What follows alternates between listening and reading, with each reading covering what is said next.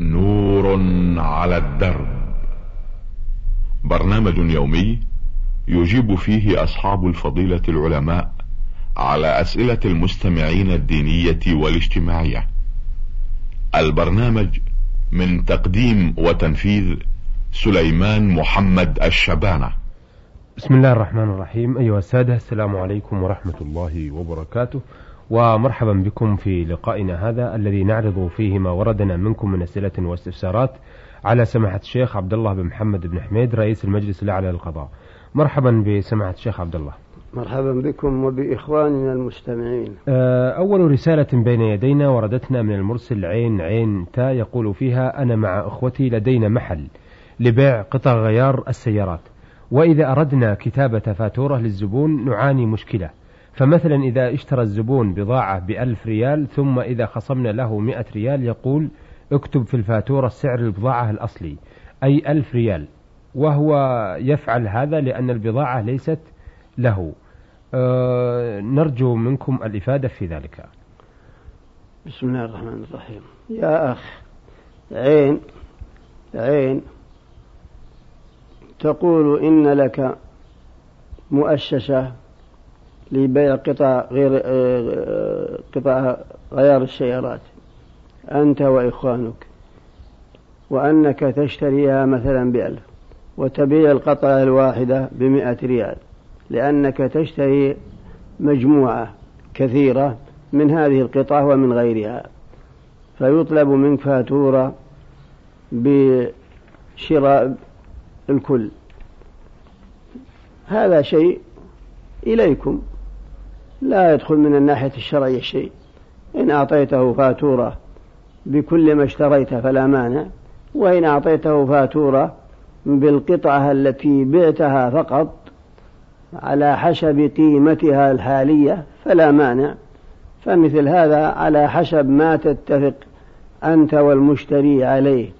إن أردت أن تخبره بقيمة البضاعة الكلية وتعطيه فاتورة بذلك أو تعطيه فاتورة بقيمة القطعة التي اشتراها منك فقط إلا أن الزيادة والغش لا يجوز لك بكل حال وإلا فالأمر إليكم. الشيء الذي يتفق عليه البائع والمشتري فالأمر إليهم لأنه لا يدخل الربا في مثل هذا ولا الغش ولا الخيانة. فقط الغش والخيانة في زيادة القيمة أكثر من القيمة الحالية هذا لا يجوز والله أعلم. أه بس هو سماحة الشيخ يقصد أن المشتري هذا ربما يشتري لأناس آخرين أو للدولة فالمئة هذه يضعها في جيبه ويحاسب الدولة أو الآخر على ما في الفاتورة. فهو كما قلنا قلنا إذا كان فيه غش وكذب وخيانة لا يجوز بكل حال. نعم. وحرام عليك أن تعطيه فاتورة بقيمة أكثر مما اشتراها به. من أجل أن يأخذ من الدولة أو من غيرها. فهذا هو الغش والكذب والخيانة. أشرنا إلى هذا في الجواب. نعم. آه هذه الرسالة وردتنا من الأخ فتحي مؤمن خميس من آه مصر العربية. يقول في رسالته هناك أناس عندما ترمي السلام على ناس آخرين. آه فإنه فإنها فإنه يقول سلاما من الله عليكم ورحمة منه تعالى وبركاته.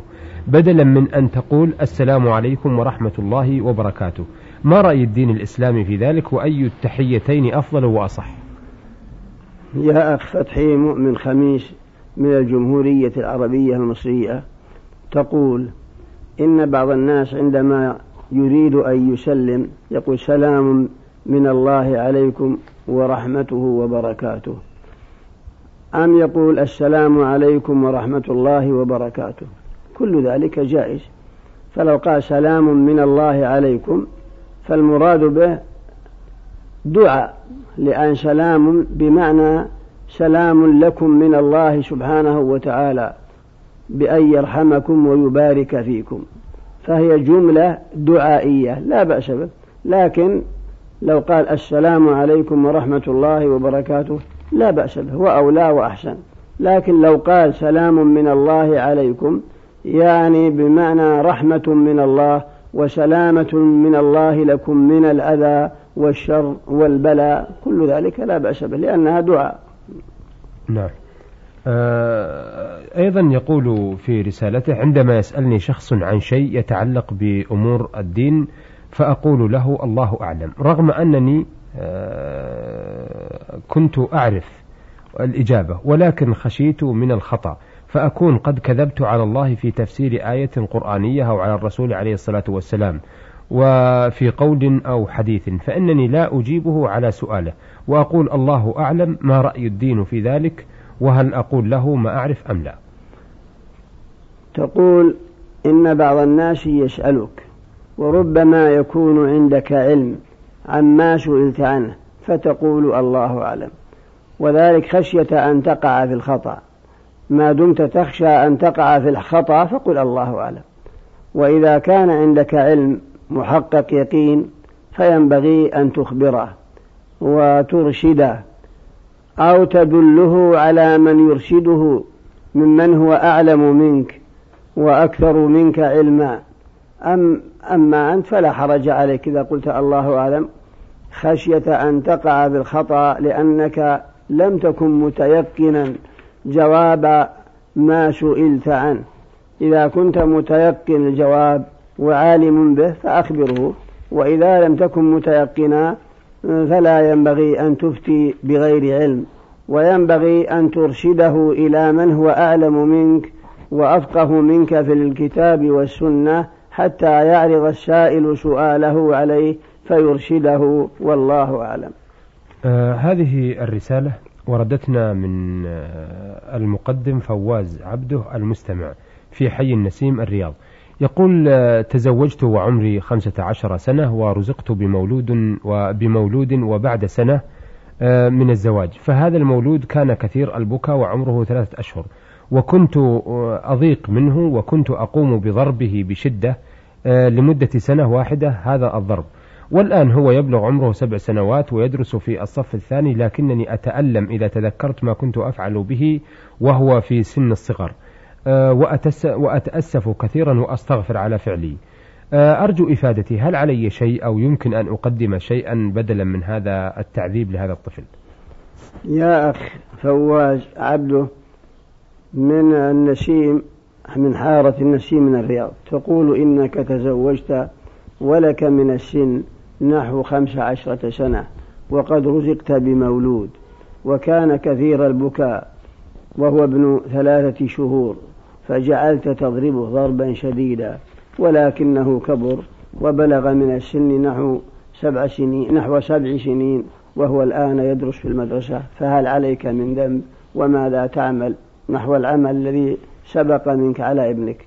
لا شك أن عملك هذا خطأ فإنه صغير لا يفقه وليس هو محل للتأديب حتى تضربه وهذا سفه منك وسخافة. ولكن عليك أن تستغفر وتتوب ولا شيء عليك إن شاء الله.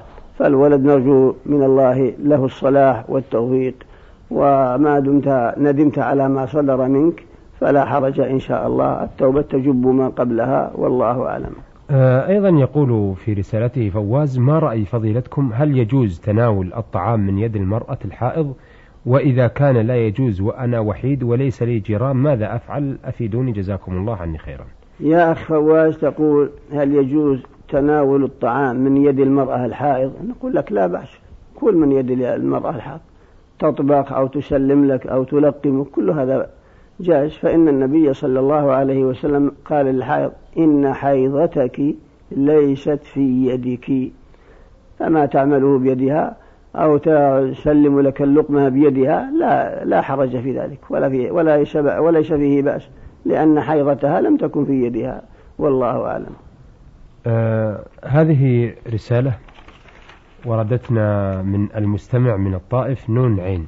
يقول في رسالته لاحظت في بعض المناطق عادة سيئة فيما أعتقد وهي منتشرة بين نساء هذه المناطق وهذه هي إذا قدمت امرأة من بلد آخر أو أتت لزيارة أمها وأصدقائها تعطي النساء اللاتي يأتين لرؤيتها والترحيب بها نقودا وعندما تريد مغادرة المنطقة يضيف هؤلاء النساء نقودا تعادل تلك التي أعطتها ويعيدونها إليها كأن تعطي الواحدة منهن منهن خمسين ريال وتعيدها لها مئة ريال. ما الحكم في ذلك؟ وفقكم الله. يا أخ نون عين من الطائف تقول إن عندكم عادة سيئة وهو أن المرأة إذا قدمت من بلد وقدمن النساء يسلمن عليها فإنها تعطيهم نقودا. وعندما تريد المرأة أن تسافر إلى بلدها مرة أخرى جعلوا يعطونها تلك النقود التي دفعت لهم وربما زادوا فتيدفعون عن الخمسين مئة ريال. لا بأس به. فهذا من باب الهدية وليس من باب المعاوضة. فإذا أعطتهم خمسين ريالا مثلا وقبضوها هم بالخيار إن شاءوا سلموا لها شيئا وإن شاءوا لم يسلموا وإن شاءوا سلموا أقل من الخمسين أو أكثر. ما دام أن لم يكن هناك مشارطة ولا هناك معاوضة بل كل منهم يسلم باختياره ورغبته وإحسان وإحسانا منها إلى الآخر إلى الأخرى كل هذا جائز ولا بأس به إن شاء الله. أيضا يقول هل يجوز للمرأة أن تكشف رأسها أمام والدها أو عمها أم لا؟ آه، رغم أن عمها آه، أن عمها دائما يكلمها ويطلب منها أن تستر شعرها منه. نريد الإفادة وفقكم الله. تقول هل يجوز للمرأة أن تكشف شعرها عند أبيها وأخيها وعمها وما أشبه ذلك؟ الأولى تغطيته وإلا فلا بأس به ما دام أنه أبوها وعمها جائز ولا وليس فيه مانع فهو من محارمها ويجوز له النظر إليها. قال الله تعالى وقل للمؤمنات يغضضن من أبصارهن ويحفظن فروجهن ولا يبدين زينتهن إلا ما ظهر منها وليضربن بخمرهن على جيوبهن ولا يبدين زينتهن إلا لبعولتهن أو آبائهن أو آباء بعولتهن أو أبنائهن أو أبناء بعولتهن أو إخوانهن أو بني إخوانهن إلى آخر الآية. ولكن الأولى تغطية الشعر وإلا فما دام عمها أو أبوها وهي كاشفة رأسها عندهم فلا حرج في ذلك إن شاء الله.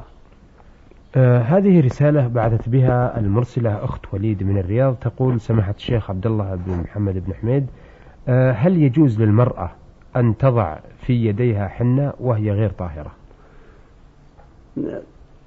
أيتها الأخت تقولين هل يجوز للمرأة أن تضع في يديها حنة وهي غير طاهرة؟ يعني بأن تكون حائضة. لا بأس ما في مانع. يجوز لها أن تحن يديها وما شاءت من جسمها ولو كانت حائضة.